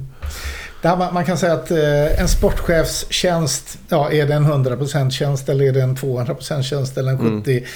Det beror ju på lite klubb och, och var man är någonstans i det hela. Men man kan säga att där ligger en del administrativa uppgifter ska rapporteras till förbundet och det pappershantering och övergångar och annat. Delar av det, eh, de här administrativa ligger på, på eh, våra tränare. Eh, Jonas Östergård som, som eh, har egentligen formellt sett ett delat sportchefsansvar med, med Niklas med förhandlingar, avtal och leda sportrådet. Det är, och därmed egentligen också, sportrådet är ju också, eh, vad heter det, scoutinggrupp tillsammans med några andra. Eh, Niklas, eh, vad han framförallt får och det är ju det som ligger mer i perioder så är det eh, alla tips och förfrågningar och scouting utav, eh, utav folk som, eh, som vill komma till Gais. Så det är ju allt från man får ett mail från England till, från, till någon agent från Argentina till eh, ja, högt och lågt eh, kommer en massa förfrågningar. Titta på, eh, för ibland kan det ju finnas ett guldkorn bland dem också. Eh, framförallt så har Niklas med sin eh, spelarkarriär bakom sig i många av de ledande klubbarna ett väldigt bra nätverk med, eh, med övriga eh, sportchefer. Att eh, Niklas är en viktig faktor när vi inser att vi behöver plocka in en hyfsat snabb, duktig vänsterfotad mittback eh, och komplettera truppen med. Eh, då vet Niklas vad det finns för folk i Helsingborg. Han har koll på, på läget där. Där spelar Niklas en, en väldigt stor roll i att vara en... en så han, han ska ta den här skiten, alla idiotmail som kommer med ja, erbjudanden om spelare men också ha kontakter med andra klubbar. Ja, så, så han är egentligen en sport, vanlig sportchef då? Han, han, är och han kanske inte jobbar 30% då? Eh, det får väl... Eh, han är permitterad så han jobbar 40% och 30%. Han jobbar 12% just nu. Eh, men nej, han är faktiskt inte permitterad för han anställdes för sent för att få vara med i den här permitteringsomgången. Men Eh, så att han har det man tänker på som sportchef om man mm. säger spelardelarna. Sen när det går över och ska förhandlas och skrivas avtal så att Östergård över.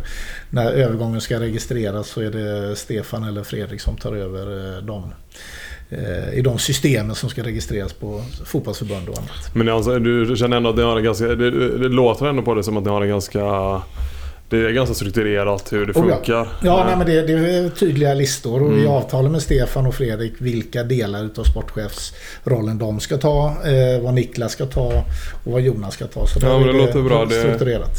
Det kan ha saknats innan. Mm. Det låter som en sak som kan ha blivit bättre. Ja, nej, men det, för- framförallt så är det ju det, det är klart att, att eh, och det har ju sina randiga och rutiga orsaker att vi har gemensam sportchef och, och tränare. Men det, det är ju svårt för sportchefen att ta ett allvarsamtal med huvudtränaren om man ska vara kvar på eller man gör ett dåligt jobb och annat. Och det är svårt. Det finns liksom inte någon given person som spelare heller kan gå till. Ja, det är ju till styrelsen eller fotbollsansvarig då. Men det är klart, den som kan ha den där rollen till viss del. eh, Nu får i Niklas roll, eh, nej, la vi det på Niklas eller Fredrik? Kommer jag inte riktigt ihåg. Nu stärker man ju arbetet också kring matchfixning och annat. eh, Och det finns en särskild organisation med en i varje klubb som samlas på de där.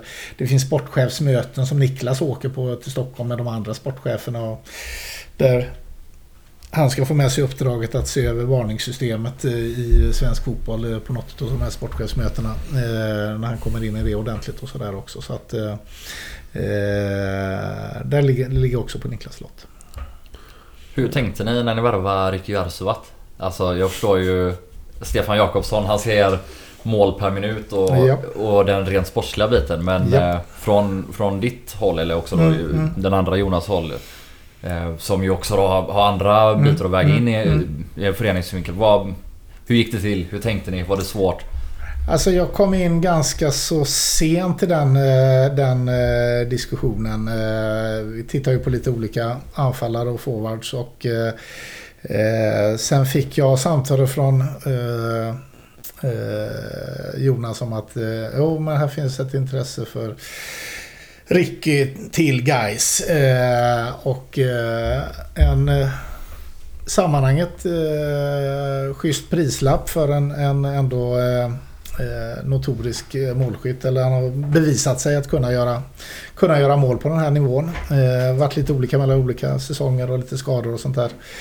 Eh, men samtidigt när jag hörde det så, och jag hade inte hela, men jag kände så här, mm, är, det, har vi, är det inte lite tufft konfliktmässigt här med, med, med Rickard? Så jag sa till Jonas, du borde nog kolla med Fagerlund också, han kanske kan det där eh, bättre innan vi, innan vi går vidare. Och, eh, och samtidigt så satte jag mig och googlade upp lite historik och, och Fagerlund eh, kunde väl lite mer eh, den moderna historiken i, i de konflikter som har varit med, mellan delar av klacken och, och eh, Ricky. Eh, och när vi hade det framför oss så, så eh, kan detta ändå... Vi har en ny tränare. Det är hans, ja, hans prio ett var, var att få Nikola till klubben som vi lyckades eh, lösa. Eh, så är hans andra, om man säger starka önskemål, eh, Ricky Jarsuvat. Och, eh, eh, jag känner inte Ricky jätteväl men, men det jag har hunnit träffa honom och prata med honom så är en jävligt trevlig kille och eh, gör, presterar väldigt bra på träningen också. Så jag tror vi kommer ha mycket glädje av honom. Eh, och där, där är det bara så att ibland så, så, så måste vi låta våra tränare styra detta. Mm. Mm. Var det ett svårt beslut för er ändå? Eller var det ändå, alltså, var det ändå ganska solklart till slut? Alltså även om det fanns massa andra mm avväganden att göra fram och tillbaka. Var det ändå ganska självklart till slut att ja, låta han, framförallt som tränare, faktiskt få sin vilja igenom? eh, Ja, eh, ja det, det är klart vi diskuterar vad är för och nackdelar, vad kan Mm. hända, hur kan det bli. Eh, så, så det är klart att vi, vi diskuterar om det men ja, vi var inte i läget att eh, nej, eh, klacken har lämnat ett eh, Mm, mm. veto mot att eh, värva Ricky. Så att, och det är klart att även om vi skulle värva Zlatan så, så fotbollsmässigt skulle ingen protestera men det skulle vara många andra. Även om det kanske inte finns något personligt sådär i historiken så, så finns det ju många som retar sig på honom också i alla fall. Så att eh, det, det hade blivit liv i luckan på det också.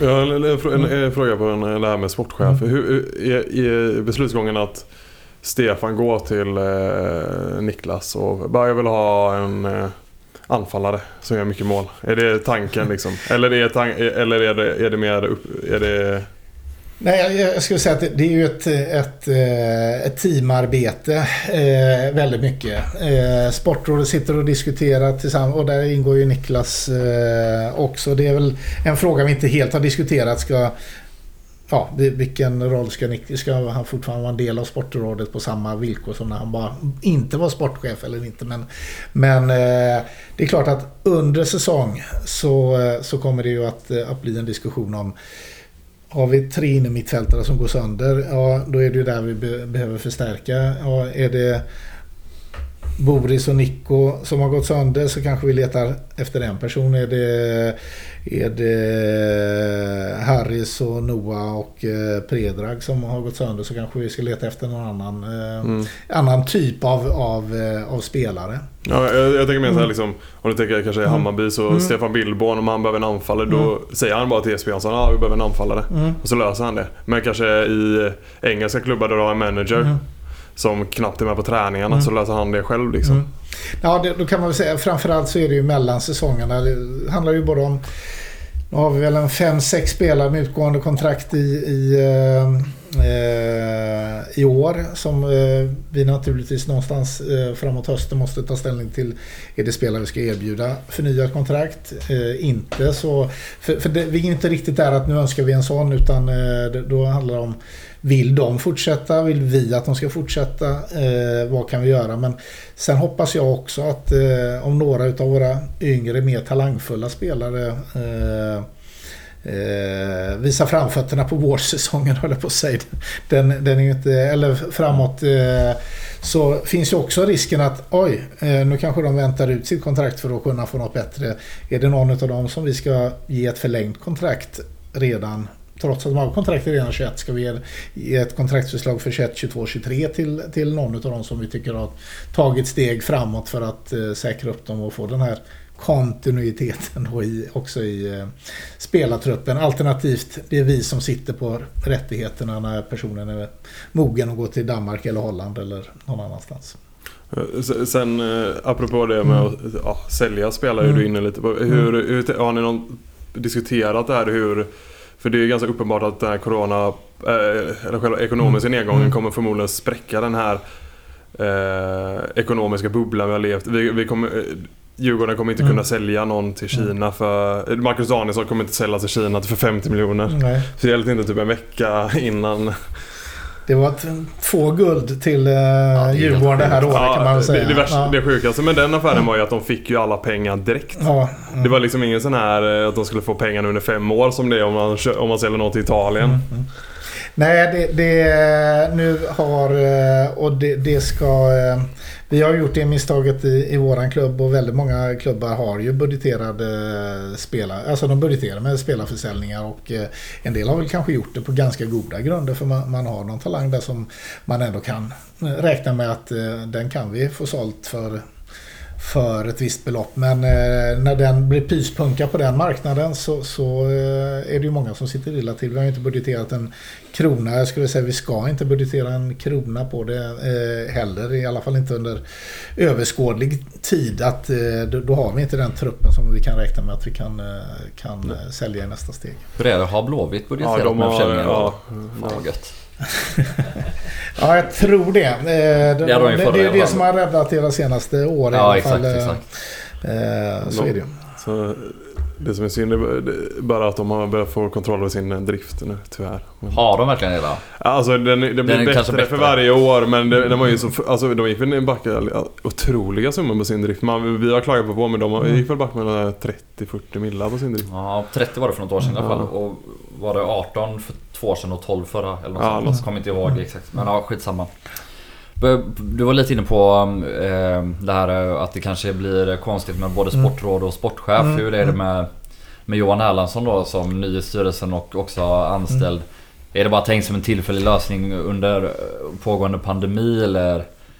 Ja, vi, vi lever ju också med risken att eh, Johan letar efter andra jobb också. Mm. Kan få ett jobb imorgon eller ett jobberbjudande imorgon. Eh, som gör att vi inte eh, har honom på plats. Nej, vi, vi, tog en ganska ordentlig diskussion både i styrelsen och eh, diskussion med valberedningen. Eh, då när den diskussionen påbörjades så trodde vi att vi också skulle ha en, en mm. klubbchef nu i, här i maj någonstans i alla fall.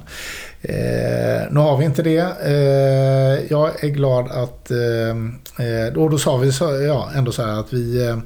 vi vet alla förutsättningarna. Johan och vi får skilja på dem, de båda rollerna just nu. Han är, mm. är med mer för att se till att så få bollar som möjligt trillar mellan stolarna. Kunna vara behjälplig och backa upp och, och säkra en del av de här infrastrukturen som behövs i en, i en klubb. Och Eh, så att, eh, ja, nu är Johan ny och han är inte den där... Ja, han, kommer nog ligga lite halvlågt i styrelsen så länge han, han har den här rollen också. Jobba mer med sina ansvarsområden, lite mer bidrag och CSR och, och sådär som inte är direkt... Eh, men det, det, är inga... Alla är medvetna om förutsättningarna och inga konstiga känslor eller sådär någonstans ifrån. Mm. Vi har redan talat ganska länge. Jag vet inte... Vi kör Twitter-frågor. Exakt, så vi börjar närma oss något avslut kanske. Um, jag vet inte. Vad är det vi har sagt? Josef max, max, max 50 minuter. Någonsin. Men eh, vi ska se om jag kan få fram några frågor här också. Tweets laddas inte just nu står det. Du har flygplansläge på telefonen? Nej, inte längre. Alltså, okay. Men fråga ett är om du har köpt premiärsneakers? Premiärsneakers? Nej. Eh, jag är ju i grunden en eh, gympadojs-kille som vi sa. En, eh, så gammal är jag. Sneaker är väl gympadoj? Ja, precis. Ja. precis. Men eh, inte så att jag har skaffat några speciella för, för den här säsongen. Nej. Nej. så gammal och tråkig börjar jag bli. Ja. Ja, det är inte lätt att bli gammal. Nej. Vad är den största utmaningen med att leda guys? ja, det är... Eh, Avsluta med några lätta frågor ja, från Twitter där. Nej, jag skulle säga att det är... Eh, det som är styrkan i Gais, de många viljorna. Eh, alla har ju rätt, tror de själva, när det är egentligen jag som har rätt. Så att det, den att, att då övertyga alla andra om att det är Eh, det, det, ja, det är både styrkan och det jobbiga att eh, det är så pass många som vet precis hur det ska vara. Eh, nästa fråga är från våran eh, favorit Boggan. Mm. Jävlar vad god den mannen är alltså. Mm. Älskar ja, äntligen hemma. äntligen hemma. Ut ur eh, karantänen i Spanien. Ja, så jävla skönt. Ja. Tack. Tack till Hej, något flygbolag. Ja. Men eh, han undrar eh, hur ser medlemsavtalet ut och hur ska vi under rådande omständigheter kunna locka fler och förklara vikten av att bli medlem i föreningen? Mm. Eh, det är nog det bästa knäcket som eh, Göteborgs-Posten har gjort eh, senaste halvåret. Vi trodde, ja, vi var ju 1700 medlemmar i, här för tre, fyra veckor sedan. och idag är vi lite drygt 2000 medlemmar i den här klubben. Så att det har tagit ett bra steg framåt. Jag tycker medlemskapet är viktigt. Eh, vi behöver jobba mer eh, på det. Tyvärr har vi för dåliga system för att egentligen kunna följa upp och veta vilka som har betalt och inte betalt medlemsavgift. Dessutom alla som varit inne på det där Sport Admin är ju inte helt inbjudande till att bli eh, medlem och krångligt med engångskoder och hit och mm. dit och eh, sådär. Så att eh, det är någonting vi behöver eh, se över inför nästkommande år hur vi kan rigga det där på ett eh, så bra och effektivt sätt som möjligt. Vi tror och vi vet att vi sannolikt har tappat flera av äldre medlemmar som, som mm. Eh, väntar på inbetalningskortet eh, mm. och sådär. Eh, men också hitta folk via de, vi har ju mejladress till många i dagsläget också så att mm. hitta den vägen för påminnelser och annat. Så att, ja, det är viktigt. Men är det för att vi har bytt system eller? Ja, vi, vi har lite olika. Ja, eh, så har jag uppfattat det när, när jag har varit ute och frågat om det. Och sen kan vi gå tillbaka till 2016. Ja, det kanske vi möjligen kan. Men är det de äldre medlemmarna vill nå så börjar också risken öka att vi börjar skicka till dödsbon och folk som kanske har meddelat både för ett och två och tre år sedan och kanske redan har gjort det en eller två gånger. Ja. Talat om för guys att personen inte lever längre och då börjar det bli lite pinsamt från andra ja, dels det och dels också, jag har ju hjälpt mm. till och sålt både årskort och medlemskap mm. Eh, i några mm. år. Mm. Och folk blir ju tokiga om man eh, försöker sälja ett medlemskap Mm. eller ett årskort till någon som redan har det. Mm. Alltså, ja det är sån, såna utskällningar jag har Mm. fått när man har ringt eh, gubbar som... Nej men det är, det är lite... det, det finns en, en risk i det där. Plus att det har varit olika system för årskort och medlemskort. Mm. Och vissa år har medlemskortet ingått i årskortet och, och diffen däremellan fram och tillbaka. Mm. Det har varit jobbigt. Eh, I alla fall, nästa fråga är väl om Coronan då. Mm. Hur ser du på att dra igång Superettan utan publik? Och om klubbarna eventuellt skulle kunna förhandla sig till lite större TV-intäkter om det blir inför tomma läktare? Ja, det är väl, blir väl utan publik just för att vi har förhandlat till oss tv-intäkter. Att, eh, hade jag suttit i ledningen för Dplay så hade jag velat börja sända matcher. Eh, för de kan ju rent bli en, en bingo så sätt att nu kommer ju de som annars hade Mm. gått eh, vilja, eh, vilja se matcherna.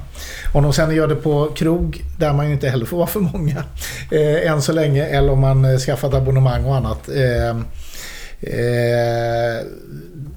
Ja, har, jag vet att det har funnits diskussioner om, eh, om eh, samarbete mer mellan klubbarna och Dplay. Just hur hanterar vi den här situationen. Men, men eh, eh, om det dras igång utan publik så är det just för att säkra tv-intäkterna egentligen. Mm. Finns det liksom något, något som kan göra att Eller kan Dplay kräva pengar från klubbarna om det inte blir någon säsong?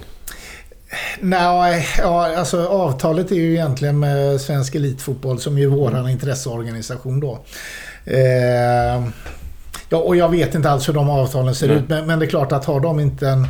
De betalar en massa för en produkt som inte vi levererar. Sen är det ju inte, tycker ju inte vi att det är vårt fel att vi inte kan leverera. Eller klubbarna tycker ju inte det. Men, eh, eh, och det är force majeure och allt möjligt. Men, eh, men de måste ju också dra in sina... Så jag, jag har full förståelse för Dplay och, och deras eh, behov och annat. Men eh, eh förhoppningsvis så kan vi hitta lite olika lösningar som ändå kan vara till fördel också för, för eh, årskortsinnehavare eller annat. Eh, sen blir det kanske så att när det väl kanske tillåts publik så kanske det inte tillåts borta publik för man ska inte vara resande. Då är, måste vi fundera också på hur gör vi med de som har köpt borta kortet. För det är ju riktig långnäsa eh, ännu mer så att säga än att eh, ha köpt årskortet så att säga.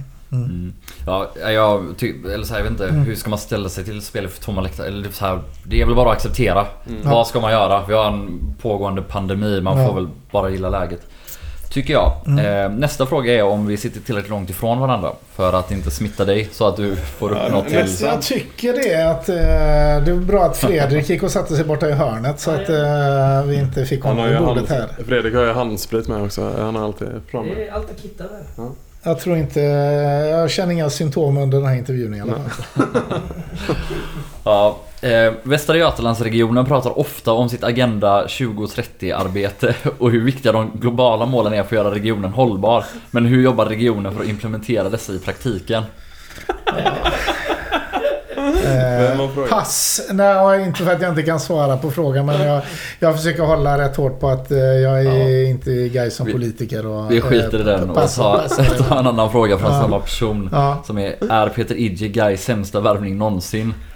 Och då, då, den svarar fan jag på Nej, det finns väl Jaha, jättemånga men- mycket ja, sämre än han Peter gjorde väl Idje. några mål i alla fall. Fyra tror jag. Ja, Det finns ju många sämre värvningar än Peter absolut. Idje. Ja, det, är- det, är en, det är Eller? en hård Vad konkurrens. säger ordföranden? Alltså det, nej, men Pe- Peter Wije är väl möjligen symbolen för den där övertron på att ett namn, eh, ett gammalt lite avdankat namn kan värvas. Eh, jag tror att eh, den, den tiden eh, borde vara förbi om jag... Det är det jag får tycka till om. Två namn på rak arm är ju Glenn Hysén på 90-talet. och sen även Wandersson, att vi värvade tillbaka honom. Speciellt med det kontraktet. Ja, Eh, om man ska... Ja, det finns många fler också. Ja. Exakt. Det finns många aspekter av en dålig värvning. Nej, men det var väl på tal om att alltså, eh, om Ricky är en kontroversiell värvning så är väl EJ en minst lika kontroversiell värvning med, Ja. med historiken och bakgrunden och Ja. eh, annat. eh, Inte bara spelaren och klubben han hade varit i. Ja.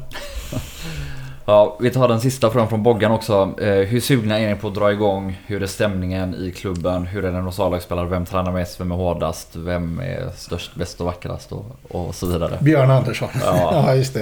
Eh, det är... Nej, men det, det är... Ja, alla är väldigt sugna på att dra igång. Det är frustrerande och Stefan eh, är alltså utifrån sin perspektiv väldigt metodisk. Okej, det är seriestart då, men då måste vi ju så här många veckor innan börja spela träningsmatcher. Vi måste ändå testa oss mer och, och annat. Eh, så det är väldigt så systematiskt och liksom tun, lite tunnelseende om vad som händer i, i världen. Och det är så det kanske ska vara naturligtvis. Eh, jag tror vi alla går omkring och har, eh, när jag kom upp till Gaisgården idag vid, vid tio tiden så fint väder, spelarna nere på gräsplanen. Nej, men jag vill inte sätta mig och prata med, med Johan Erlandsson och Annika på kontoret. Jag gick ner och ställde mig och, där, där var, eh, och kollade på träningen för det, suget finns ju där. Mm.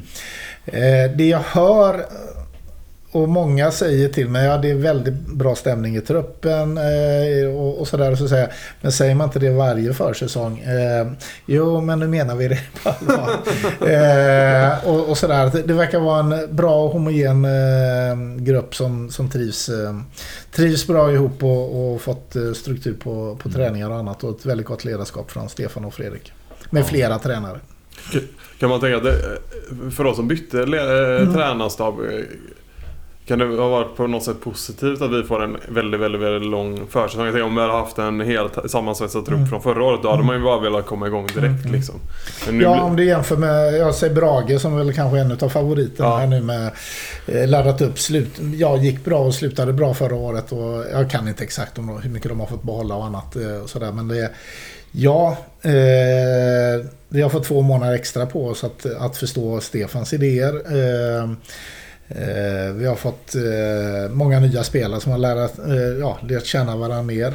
Kan vi då dessutom nästan eh, här mitten i juni, det var ju då vi hoppades att Harris kanske skulle vara tillbaka och likaså Aiden. Eh, och nu kanske de nästan kan vara med från säsongstart. Så att, eh, å andra sidan så finns det ju alltid fortfarande att gå sönder innan säsongstart för andra spelare. Mm. Men- Fast nu har vi ju Connor på heltid så Japp. det kan ju inte hända. Men eh, jag frågar, Mm. eh, är spelare oroliga för att bli smittade om vi skulle dra igång ganska, ganska snart liksom? För då blir det ändå att det, man håller, kan ju inte hålla avstånd när man spelar fotboll. Har du... Nej, nej, jag uppfattar inte det så när jag eh, pratar med spelarna. Att det, det, sen kan jag inte svära för hur var och en utav dem tänker och, och sådär. Men, men eh, eh, det är rätt bra intensitet på träningar och, och annat. Eh, och det, det sker närkamper där. Eh, där också. Men det är ju en grupp som umgås. eh, Det är ju inte Mm. dygnet runt men eh, eftersom vi har korttidsarbete. Eh, får jag inte säga så. Det gör de ju inte heller. Men, men det är klart att eh, de- är, de, de timmarna så de, eh, ja, de, de är ju nära varandra. Om de inte är det på planen så är de det på parkeringen och de är i omklädningsrummet och, och sådär. Och nu kanske vi måste också skärpa till de reglerna om vi ska kunna få, få spela fotboll. Hur många får vara i ett omklädningsrum samtidigt, hur många får vara i gymmet och, och lite så. Så Mm. att, eh, eh, där eh, behöver vi kanske förbättra en del av våra basala hygienrutiner. Ja, jag läste faktiskt om när Norge ska försöka få igång sin Mm. säsong. Då pratar de om att eh, alla fotbollsspelare, ingen fotbollsspelare får träffa några andra människor. De får inte jobba med något annat och de ska inte åka kollektivt. Det låter helt alltså vansinnigt. Ja, det- men det var- ja. Nej, men det, det, samtidigt är det nog så, alltså den strategin som Sverige nu har valt och den kan man få tycka vad man vill om, men, men den innebär ju också jämfört med många andra länder i Tyskland som nu kanske ska börja spela matcher om ett par veckor. Det är ju spelare som har suttit hemma och kanske tränat i trädgården egentligen och Mm. inte rört sig någonting mer. Ska helt plötsligt träffa sina lagkamrater igen för att slutföra en, en, eh, eh, en säsong och säkert rätt dåligt grundtränade. Eh, för de har ju verkligen varit lockdown på ett helt annat sätt. Och därför har vi sannolikt mycket större smitta antagligen. Vi hade ju rätt mycket sjukdom i truppen i slutet på mars. Har det varit covid-sjukdom? Ja, inte alls omöjligt på ett antal utav dem i alla fall. Eh, är de i så fall immuna? Vet vi inte heller men, men eh, en hel del talar för att eh, de ska vara det. Så att, eh, jag tror ändå vi har bättre förutsättningar i Sverige än på en del Absolut. andra ställen. Ja, finns det något som inte många känner till eller missar kring hur det är att styra en fotbollsklubb i allmänhet och guys i synnerhet? det är ju hur...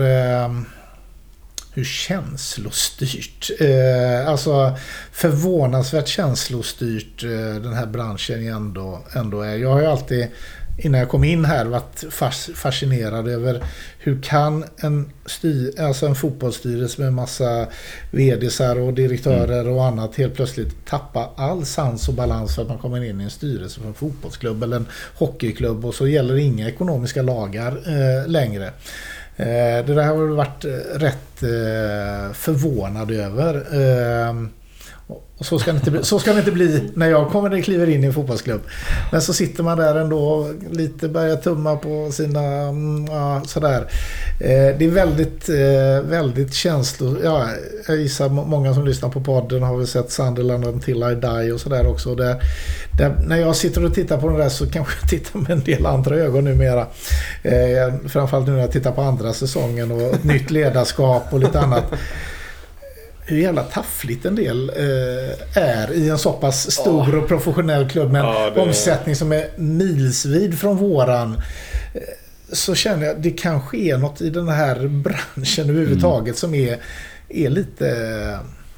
Ja, inte alltid genom professionellt om man får De säga scenen, Den scenen när han ska köpa Willy Griggs där. Man, man tänker nästan att det är fake liksom. För det är så... Att det är han också liksom. Alltså, bara, ja, hålla på principerna och sen, nej, och sen den här lite nästan barnsliga, ja jag vet inte riktigt vad jag... Ja. Eh. ja nej jag såg också nyligen ja. säsong ett av den och det mm, ja. fan man baxnar alltså. Ja. Det är, framförallt den här scenen tycker jag när de har en lista med nyförvärv och precis innan de ska gå ut från det här mötet med scouterna så frågar han så Who put Ibrahimovic on the list? Mm. Och så tänker man så här, nu ska ju någon räcka upp handen och säga ah, det var jag, det var ett skämt. Och alla bara kollar ner i bordet. Mm. Man bara herregud vad inkompetenta ni är. Mm. Och som du säger, där borde det ändå finnas mer, mer kompetens med den stora mm. omsättningen vi har. Ja. Ja, sista Twitterfrågan. Mm. NATO eller VAR, vad föredrar du? Nej, inget, eh, inget av det höll jag på att säga. Och då Adam va? Ja, eh, skräll. Adam är det. Adam. Eh, jag föredrar guys. Ja. Så inget av det. Nej. Eh, vi gör väl som vanligt då att vi går mm. varvet runt och avslutar med ett kulturtips för att ge valuta till våra lyssnare. Eh, eftersom vi inte har självförtroende nog och tror att vi har bidragit med så mycket annat under den här långa perioden mm. vi har pratat så vill våran gäst börja? Har du något Alltså, eh, jag är lite fascinerad just nu kulturtipsmässigt. Eh, så är det, för jag har aldrig varit med på hypen egentligen. Så är det den här serien på Netflix om korgboll eller basket som mm. The Last Dance eh, mm. som går just nu. Jag måste säga att eh, eh, Väldigt välgjord serie. Eh, sportanknytning och var berömmelse och kampen uppåt och komma framåt betyder hur ett och då får, ska man göra någon Gais-koppling så är det väl hur ett klubb som inte presterat någonting på decennier helt plötsligt reser sig och eh, blir bäst. Ja. The Last Dance på ja, Netflix. Jag började kolla på den. Det är bra. Mm. Uh, ja, en podd, uh, Staden. Uh, ganska, det finns många avsnitt om olika städer helt enkelt. Och, de går oftast reser de till en stad och pratar om den. Första avsnittet handlar om Kiruna. Då går de igenom och pratar om hur den, äh, arkitekturen bakom den. Och, äh, det är jäkligt intressant och väldigt bra äh, intressanta personer som pratar. Det finns väldigt ja, många avsnitt. Bästa, bästa podden som finns alltså. Ja, det finns det... ett fantastiskt bra avsnitt om Göteborg som har det övergripande temat arbete utifrån ett stadsperspektiv. Otroligt intressant. Och om jag får nörda ner mig lite så, just Kiruna är ju extra intressant för där är det ju P.H. Hallman Stor stadsbyggnadsarkitekt, eh, svensk legendar, eh, första man implementerade slutna rummet. Eh, förebild till Albert Liljenberg som har planerat de flesta av de bästa stadsdelarna i, i Göteborg. Änggården, eh, Kungsladugård, Bagaregården, eh, Heden var det han som räddade från att byggas igen eh, 1925. Eh, en, något av en personlig idol faktiskt, Albert Liljenberg. Eh, jag kan eh, tipsa om också något på Netflix. Eh, El Pepe. En härlig dokumentär om Uruguays före detta president. Ni vet han som kör en gammal skruttig bil och bodde på en bondgård. Och satt isolerad i fängelse i 13 år för att han rånade banker och gav, gav bort pengarna till de fattiga Uruguay. Väldigt intressant, väldigt speciell politiker. En Robin Hood alltså. Ja men Mm, eh, faktiskt. Och ja men också speciell för att han... Han verkar ju inte vara som den här hjälten som lever länge nog att bli en skurk. Utan han verkar ju faktiskt ha fortsatt stå fast vid sina ideal hela livet. Så det kan jag rekommendera starkt. Eh, Vi får väl tacka Jonas så jättemycket Mm, för att du har varit med. Ja, tack, Tack. som fan för att vi fick komma. Ja. Och tack till er som lyssnar. Eh, Vi hoppas att det snart sätter igång någon form av försäsong när läget tillåter det. Ha det gött! Ha det Hej bra. då. Hej.